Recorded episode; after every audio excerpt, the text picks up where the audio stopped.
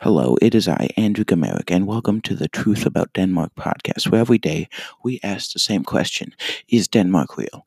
Today, we ask some people that very question. Here are their responses. This is a very valid question. I would actually argue that Denmark is not real because uh, we don't actually have any proof, because it's not like anybody has ever actually been there. Yep, Denmark is real. That's my final answer. Well, there you have it, folks. That's their answers. And remember, Denmark is just a construct made by the government to control you.